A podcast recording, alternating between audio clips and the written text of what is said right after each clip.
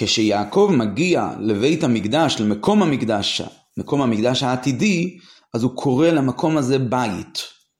כתוב בפרשה שלנו, ויקרא את שם המקום ההוא בית כל. מציינת הגמרא שאברהם קרא למקום הזה הר. יצחק נאמר שהמקום הזה נקרא בשם שדה.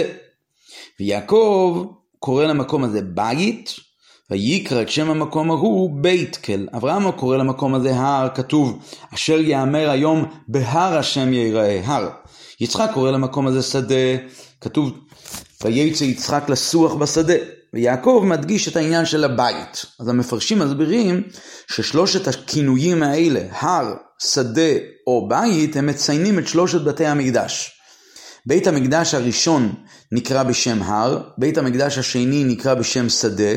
הר ושדה הם לא מבטאים משהו שהוא מיושב וקבוע, לא מקום מיושב. לעומת זאת בית מבטא שיש אנשים שהם יושבים בבית.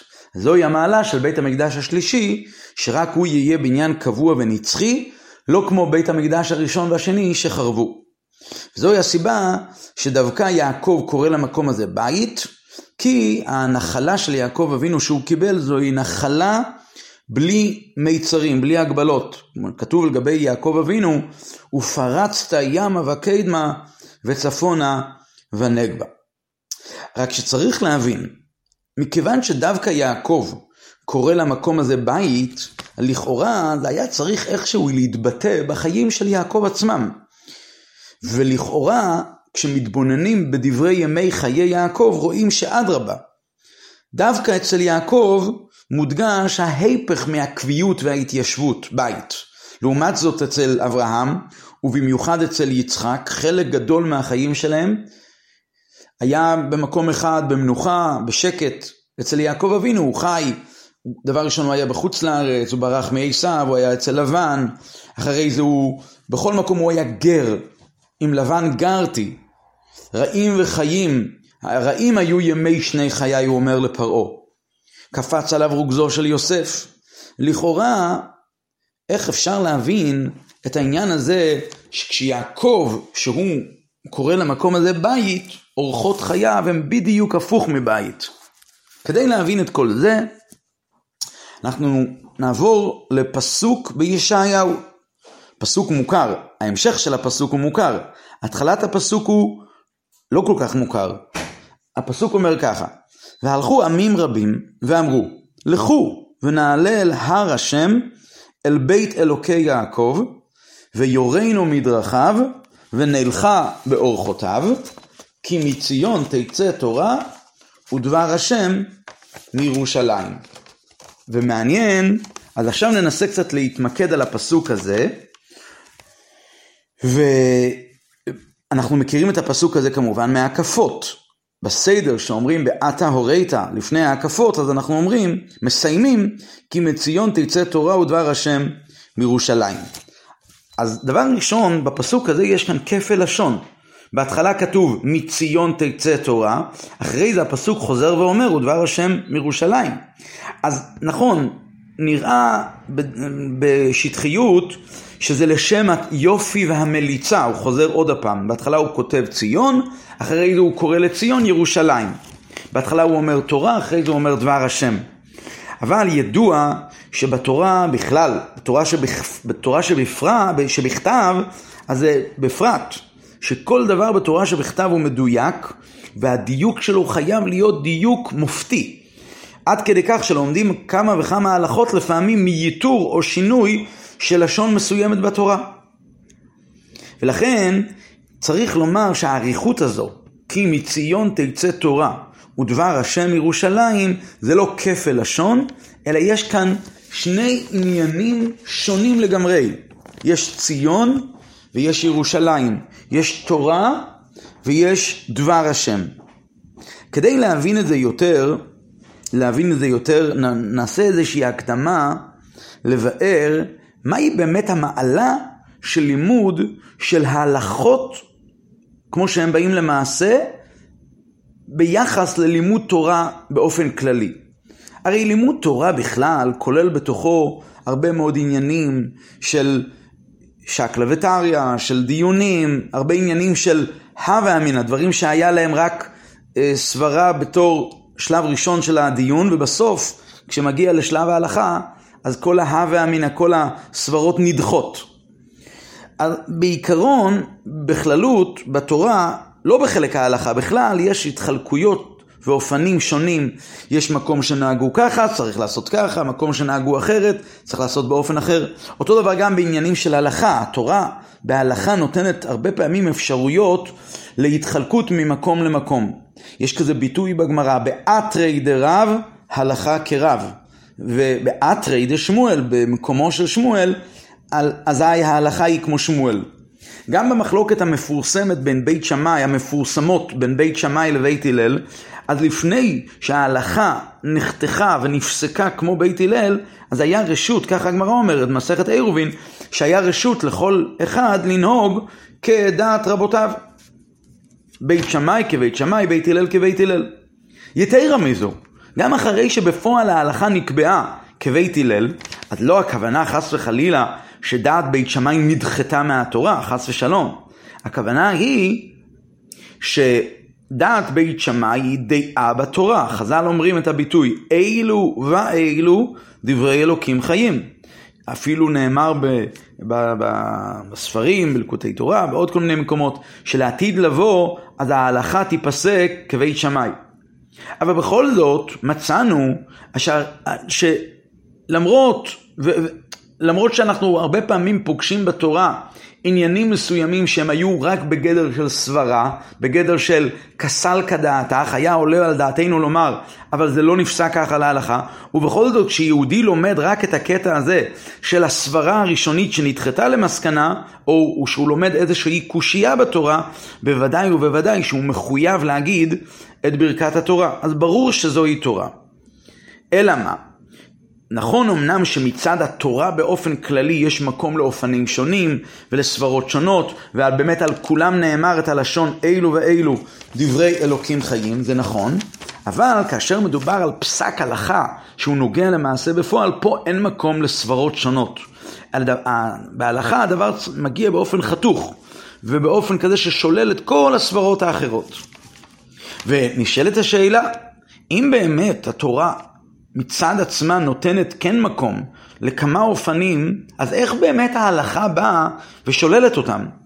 או בסגנון אחר, אם דעת בית שמאי היא נכונה מצד אילו ואילו דברי אלוקים חיים, אז איך יכול להיות שכשמגיע למסקנה, לפסק הלכה למעשה, אז בית שמאי נדחה, נדחה, השיטה שלהם נדחית לגמרי, ורק דעת בית הלל. מה, מה, מה ההסבר בזה? אז בחסידות יש ביאור עמוק של העניין, נקודת הביאור הוא שזה שני, שני העניינים האלה מגיעים משתי דרגות.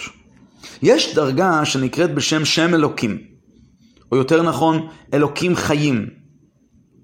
ומצד הדרגה הזו, אז יש באמת, יש נתינת מקום לריבוי, יש נתינת מקום להתחלקות, יש אופנים שונים, וכל האופנים כולם הם אמת. לכן באמת השם הזה נקרא בשם שם אלוקים, לשון רבים. מצד המדרגה הזאת של שם אלוקים, יכול להיות עניין של התחלקות גם בתורה. ועל זה באמת נאמר, אילו ואילו דברי אלוקים חיים. כי שתי השיטות האלה יש להם מקור בדרגה שנקראת בשם אלוקים חיים. ויש מצד הדרגה הזו, יש סברה לכאן, ויש סברה לכאן. אבל למעלה מזה יש את המדרגה של שם הוויה. שם הוויה עליו נאמר שזה שם המפורש, שם העצם, שם המיוחד. מצד המדרגה הזאת של שם הוויה אין מקום להתחלקות, אין מקום לריבוי. יש מסקנה אחת. וזו באמת המעלה של ההלכה לגבי החלקים האחרים של התורה, שכשמגיע להלכה פסוקה, אז המקור של ההלכה מגיע מדרגה של שם הוויה, כמו שכתוב אה, לגבי דוד המלך, את הביטוי והוויה עמו. אומרים חז"ל, כאשר דואג בא לספר לשאול שיש נער בשם אה, דוד, אז הוא סיפר לו את כל המעלות שלו, ושם נאמר הלשון והוויה עמו. אז חז"ל אומרים שההלכה כמותו. הגמרא גם אומרת את הביטוי דבר הוויה זו הלכה. אז לכן ההלכה כשהיא נפסקה, כאשר ההלכה באה ונפסקת בצורה ברורה, אז היא באמת שוללת את כל הסברות האחרות. לדוגמה, כאשר אנחנו מדברים על ההלכות שפוסקות שההלכה היא כמו בית הלל, אז היא שוללת את בית שמאי. בית שמאי שאומרים, נגיד בית הלל אומרים על דבר מסוים שזה מותר, ובא, ובאים ובית שמאי אומרים שהדבר הזה הוא אסור, אז שיטת בית שמאי היא נדחתה. זאת אומרת, אפילו שבאמת לשיטת בית שמאי אז יש יסודות בהררי קודש, ומצד הדרגה של אלוקים חיים, אזי באמת הדבר הזה הוא אסור. אבל מצד המדרגה של הוויה, שמשם המקור של פסקי ההלכה, אזי הדבר הזה הוא מותר וככה צריך לנהוג. כמו דעת בית הלל שהדבר הזה הוא מותר ובתכלית הוא מותר. לפי זה אנחנו נבין שבאמת כאשר משבחים את דוד ואומרים שההוויה עמו הלכה כמותו, הכוונה היא שכדי באמת לזכות להגיע שלפסק כזה של ההלכה, לא מספיק רק הדרגה של שם אלוקים, צריך את הדרגה של הוויה, הוויה עמו, ואז ההלכה תהיה כמותו. לפי זה, לפי הרעיון הזה, אפשר לומר שזה ההבדל בין כי מציון תצא תורה לדבר השם מירושלים. כשאומרים תורה, המילה, הביטוי תורה, הוא שם כללי. הוא כולל את כל העניינים כולם שנמצאים בתורה. ובכללות זה גם הסברות שהם נדחו מפני ההלכה למעשה, אותם הדעות שההלכה היא לא כמוהם, גם הם חלק מהתורה, ואדם שלומד את הסברות האלה, אז יש לו שכר גדול, דרוש וקבל שכר, יגדל תורה ויאדיר. אבל דבר הוויה זה הולך רק על העניין של ההלכה, ההלכה פסוקה, שהיא אומרת לבן אדם איך לנהוג במעשה בפועל. על זה אומר הפסוק, כי מציון, מציון מה מגיע? תורה.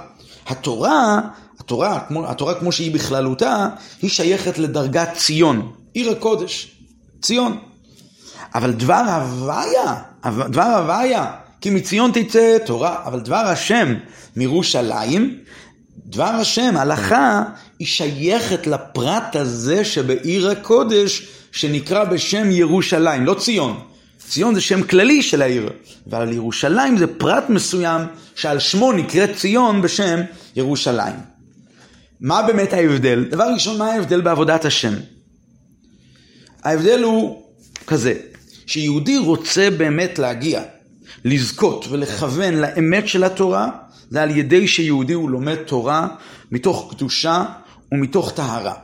זה בעצם הרעיון של מציון תצא תורה, כדי באמת שיהודי תצא תורה, תורה כמו שהיא באמת. אז בן אדם צריך להעמיד את עצמו בדרגת ציון. מה זה דרגת ציון? תכף נראה. אבל כדי להגיע לזכות, להגיע לדבר הוויה, לדבר הוויה זו הלכה, זה לא מספיק הדרגה של ציון. כאן הוא צריך להיות בדרגה של ירושלים. כדי לפסוק הלכה למעשה בפועל, כדי שבן אדם, הרי כשבן אדם מגיע לפסק הלכה למעשה בפועל, יש, אז הוא חייב להיות בדרגה רוחנית מאוד גבוהה, בדרגה של שלימות היראה. הוא מתיירא, שמא חס וחלילה הוא ייתן פסק הלכה, לא נכון, פסק הלכה שמנוגד לרצון השם חלילה. אז היראה הזאת מביאה אותו לידי כזאת יגיעה גדולה, ואז הוא מגיע לאמת של התורה, ואז הוא מכוון להלכה. וזה הכוונה ירושלים. מה זה ירושלים? ירושלים נקרא בשם יראה שלם, שלימות היראה. אז כדי לכוון אל ההלכה למעשה, לא מספיק ציון, כמו שתכף נסביר מה זה דרגת ציון, אלא צריך להגיע דווקא לדרגת ירושלים, יראה שלמה, והיא זו שמביאה את ההלכה. אולי ננסה קצת להסביר את הרעיון של ציון, ואחרי זה נבין עוד יותר, אחרי שנבין היטב את הרעיון של ציון, אז נבין מה מיוחד כל כך, מה, מה מיוחד כל כך בדרגת ירושלים. אז כתוב בספרים, בקשר למחלוקת שהיה בין בית שמאי לבית הלל, ועוד כל מיני מחלוקות שהיו במשך הדורות, כתוב ש... כתוב, זה כתוב בחסידות, בהקדמה לספר התניא כתוב, שכשבית שמאי אומרים ככה ובית הלל אומרים ככה, זה נובע מצד השורש שלהם למעלה. כתוב בתניא שהשורש של בית שמאי הוא מגיע, שורש של הנשמה שלהם, הוא מגיע מצד שמאל העליון. ולכן תמיד הם היו דנים להחמיר. ובית הלל היו מבחינת ימין העליון. אז לכן הם תמיד היו מלמדים זכות ומקילים. ו... על דרך זה מופיע לגבי כל מיני מחלוקות נוספות שיש בתלמוד, שזה בעצם נובע מצד שורש הנשמה של אה, דעה זו ושורש שורש הנשמה של הדובר שאומר את הדעה ההפוכה. לפי הרעיון הזה, כשבית שמאי באו ואמרו על משהו מסוים, שהמשהו הזה הוא אסור. זה לא רק שפשוט הם ישבו והתבוננו בשכל שלהם והגיעו למסקנה שהדבר הזה הוא אסור. אלא זה גם ובעיקר מצד שהשורש שלהם בנפש, במידות העליונות, כמו שהם בעולמות העליונים, השורש של הנפש שלהם הוא מגיע מכך וכך. וכתוצאה מזה הם באים ואוסרים דבר זה וזה. זאת אומרת שבעצם היה להם כאן שיקול שכלי. אבל השיקול השכלי הוא היה מיוסד, הוא היה נובע מצד עמידת הגבורה העליונה. וזה הכוונה באמת, כי מציון תצא תורה.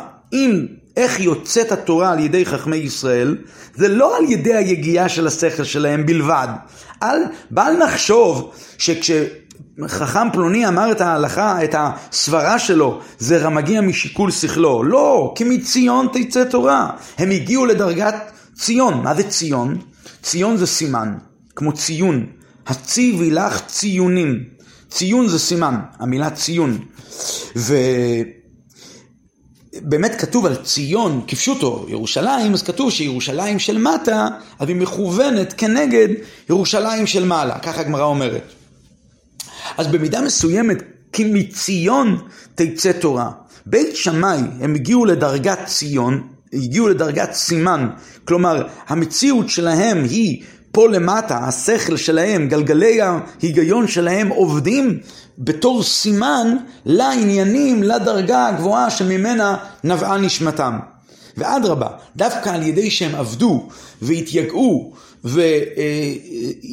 ועידנו את השכל שלהם ואת המציאות שלהם והם הגיעו לדרגה כזו שהם קשורים לגמרי, כל שהשכל שלהם עובד אוטומטית מדרגת, לא אוטומטית, גם כמובן השכל מצד עצמו, אבל הוא עובד ומכוון ומתאים לדרגה העליונה של שמאל העליון, גבורה העליונה.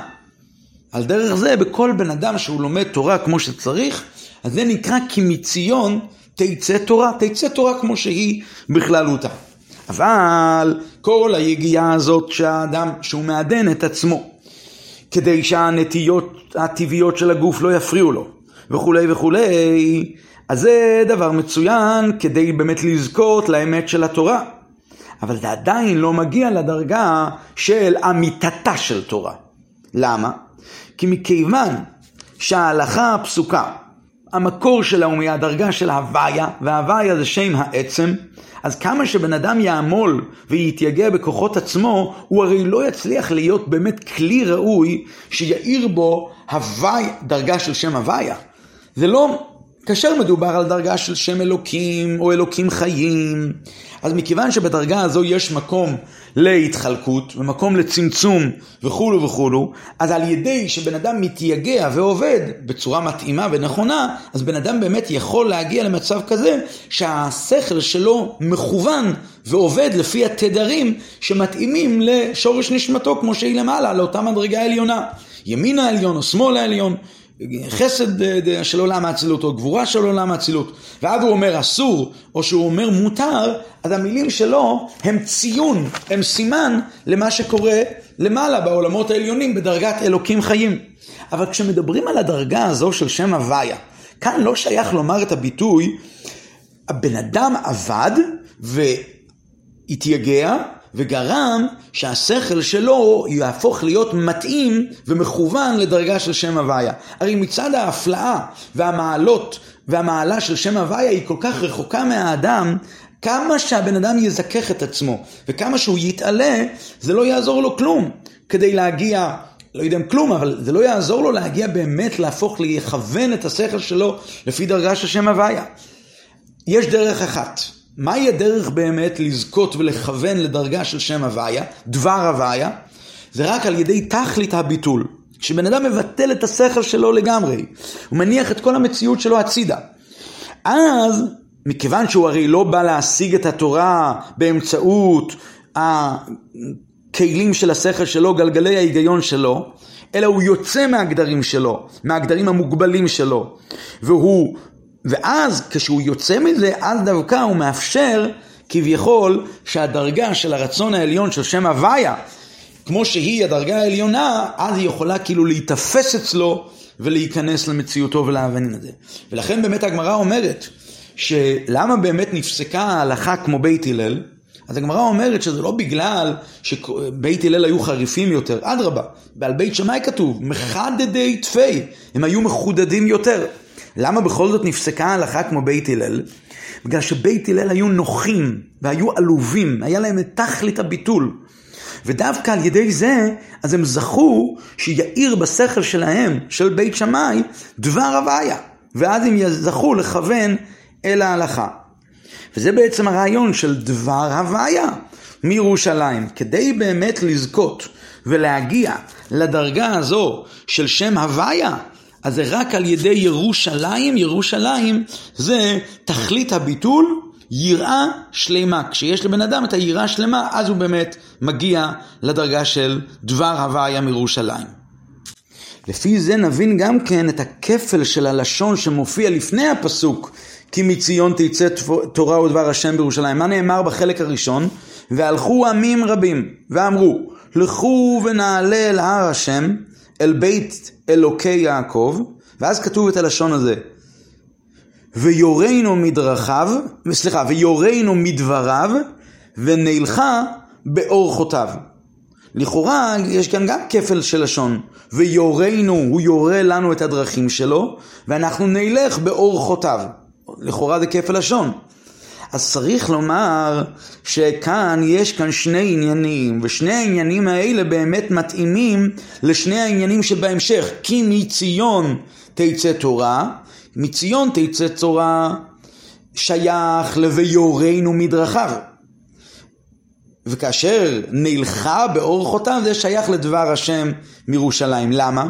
כי גם כשגויים והלכו עמים רבים כשיהודי גויים הולכים ולומדים תורה כביכול, אז גם אצלם יש מעין שני הדרגות האלה שבלימוד תורה שיש אצל עם ישראל מציון ומירושלים, דבר הוויה מול תורה.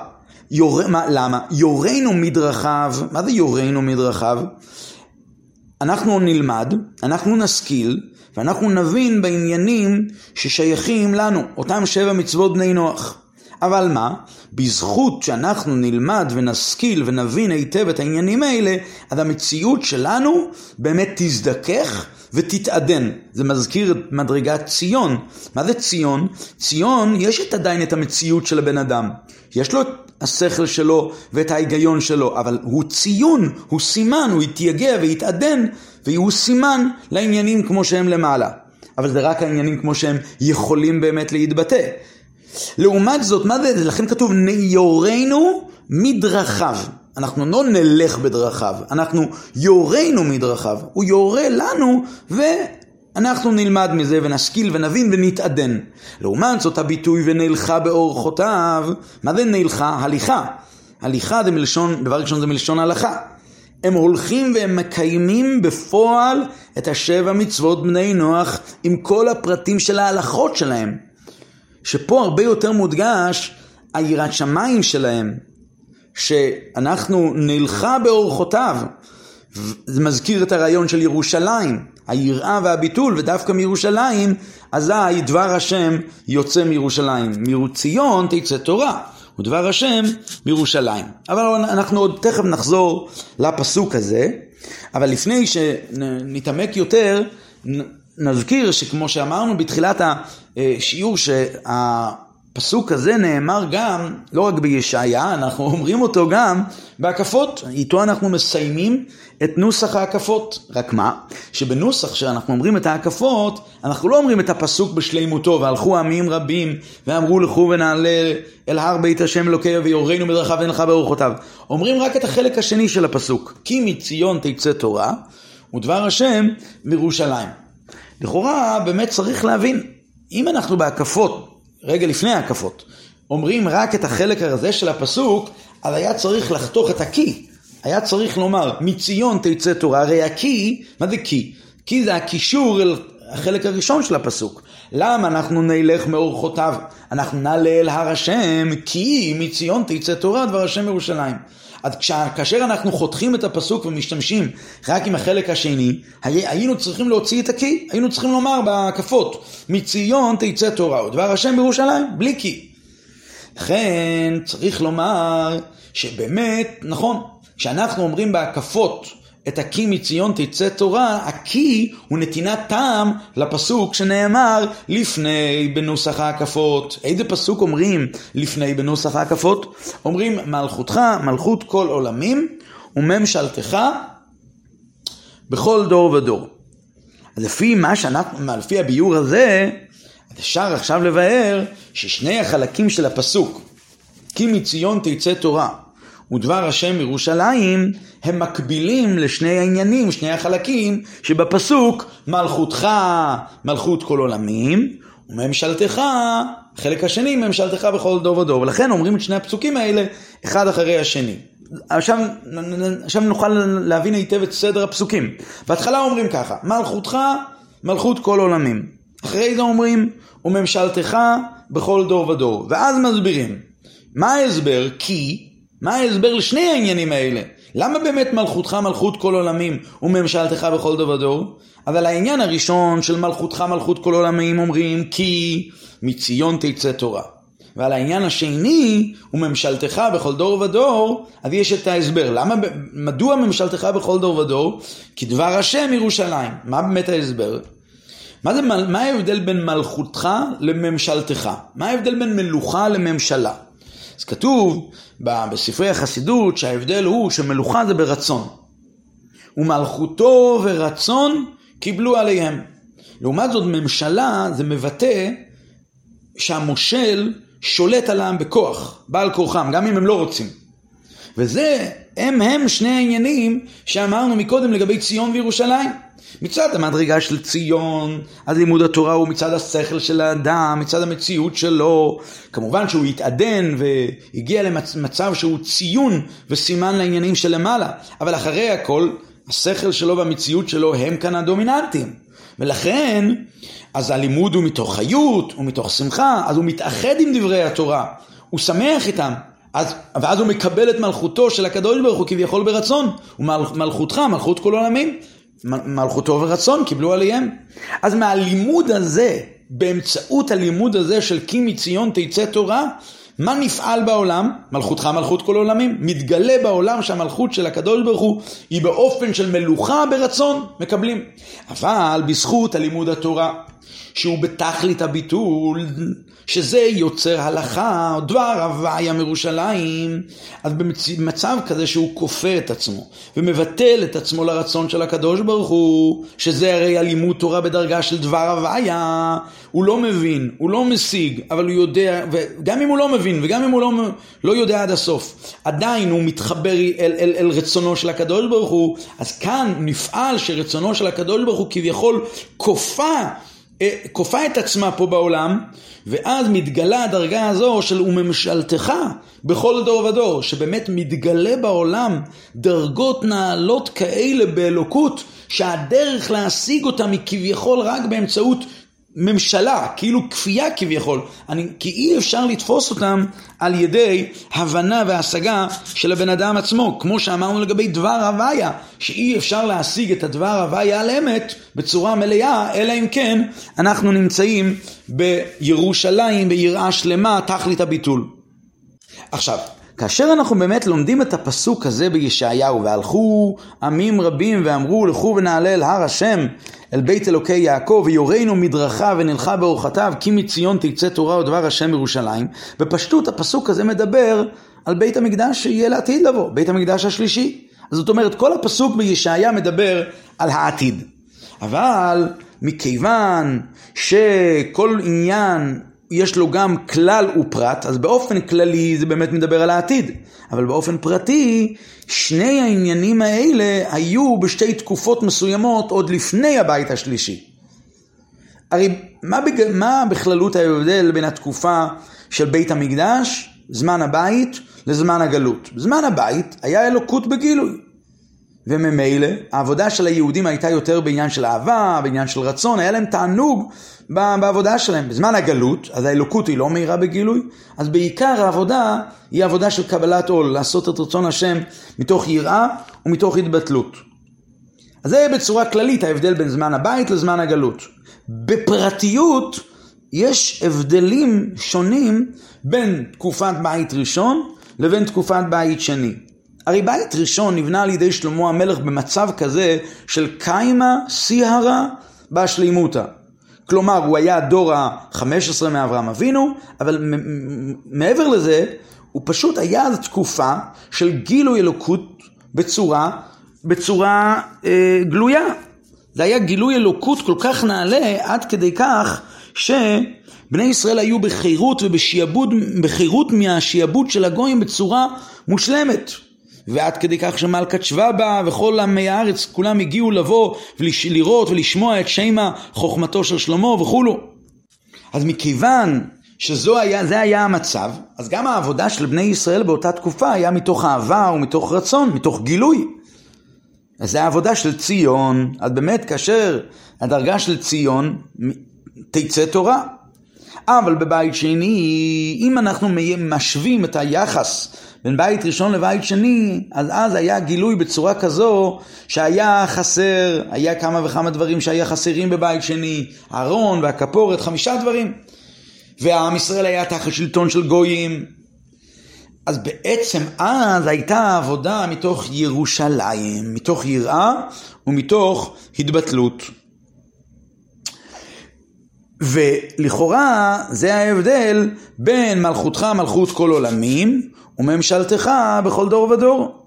תקופת בית ראשון זה היה בדרגה של מלכותך מלכות כל עולמים, המלכותו ורצון קיבלו עליהם, גם לגבי עם ישראל וגם בעולם בכלל, היה מנו, תקופה של מנוחה ושלווה. לעומת זאת בבית שני היה בעיקר מצב של ממשלה. עם ישראל היו צריכים לכפות את עצמם כביכול, בהכרח, וגם לא רק עם ישראל עצמם, אלא גם בעולם בכלל, זו הייתה תקופה של מלחמות, ועמים רבים באו ושלטו על עם ישראל, היוונים, ואחרי זה בהתחלה הפרסים, ואחרי זה היוונים, ואחרי זה הרומאים. לכן היה צריך להדגיש כאן, כאן מודגש יותר ומורגש יותר אצל היהודי, הממשלה של הקדוש ברוך הוא. לא כל כך ברצון קיבלו עליהם, אבל בכל זאת, הם מקבלים על עצמם מתוך, מתוך הכרח. זה לכאורה ההבדל בין בית ראשון לבין בית שני. לפי זה אנחנו נבין את הקשר בין שלושת בתי המקדשות לאברהם, ליצחק וליעקב. מכיוון שהעבודה של אברהם הייתה עבודה של חסד, עבודה של אהבה, אברהם אוהבי, אז בעיקר העבודה שלו הייתה באמת לגלות את האלוקות מלמעלה למטה. אז זה דומה לבית המקדש הראשון, ציון. זה קשור בקשר מאוד מאוד חזק לתורה. ואברהם כביכול הוא, דבר ראשון, גם בחיים האישיים, אברהם כתוב שהוא היה ציון וסימן לדרגת חסד העליון של עולם האצילות. כמו שכתוב בספר הבהיר, שמידת החסד באה ואמרה לפני הקדוש ברוך הוא, כל ימי היות אברהם בארץ לא הוצרכתי אני לעשות מלאכתי. שהרי אברהם עומד ומשמש במקומי. אברהם הוא בעצם ציון, הוא ציון וסימן לדרגת החסד. אז מצד החסד יש גם אהבה, יש אהבת השם, מלכותו ורצון קיבלו עליהם. אבל אהבת השם אחרי הכל היא מציאות. יש מי שאוהב, כמו שכתוב בספר התניא, שכמה שהוא מגיע לדרגה נעלית באהבת השם ובתענוג שלו לאלוקות, עדיין מורגש המציאות האישית שלו.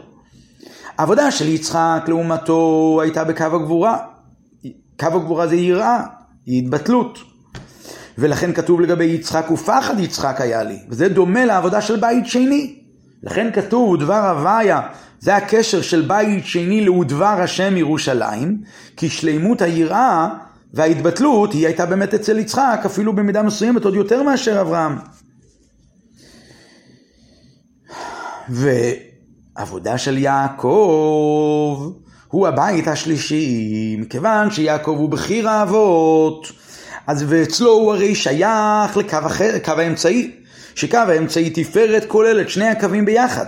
גם את העבודה של אברהם קו החסד, וגם את העבודה של יראה קו, קו הגבורה. לכן יעקב הוא כנגד בית המקדש השלישי, בבית המקדש השלישי, אז תהיינה שתי המעלות. שמצד אחד יהיה גילוי אלוקות בצורה הכי מושלמת, עוד יותר מבית ראשון, הדרגה, עוד יותר מהדרגה של ציון תצא תורה.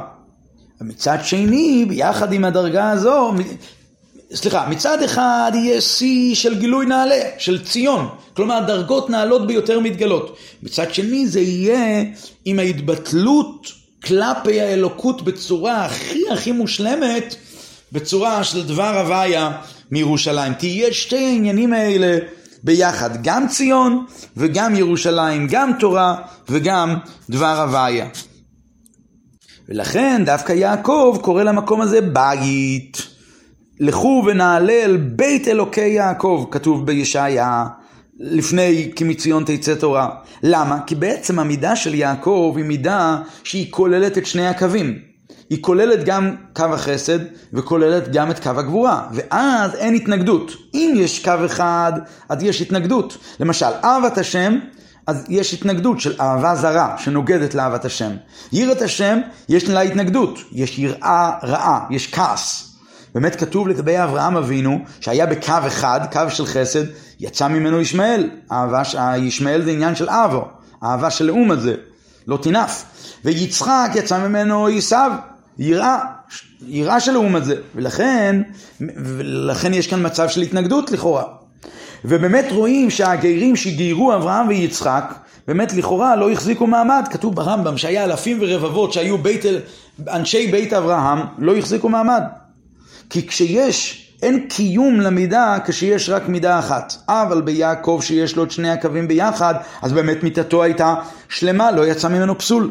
לכן הבית השלישי, שיש לו את שתי העניינים ביחד, לכן הוא נקרא באמת בית, מקום קבוע ומקום נצחי, וזה הקשר דווקא ליעקב. והעניין הזה בולט אפילו אצל אומות העולם.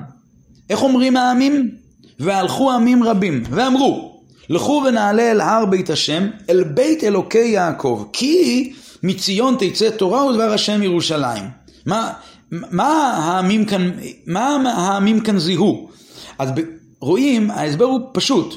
בגשמיות רואים שכשמשפיעים על בן אדם, רוצים להשפיע עליו ו- ולשנות את דרכיו וכולי וכולי, אז זה, זה מצליח אם, ה- אם המשפיע דורש מתוך כל האמת שלו. אם הוא עושה את זה מתוך האמת שלו, אזי זה משפיע.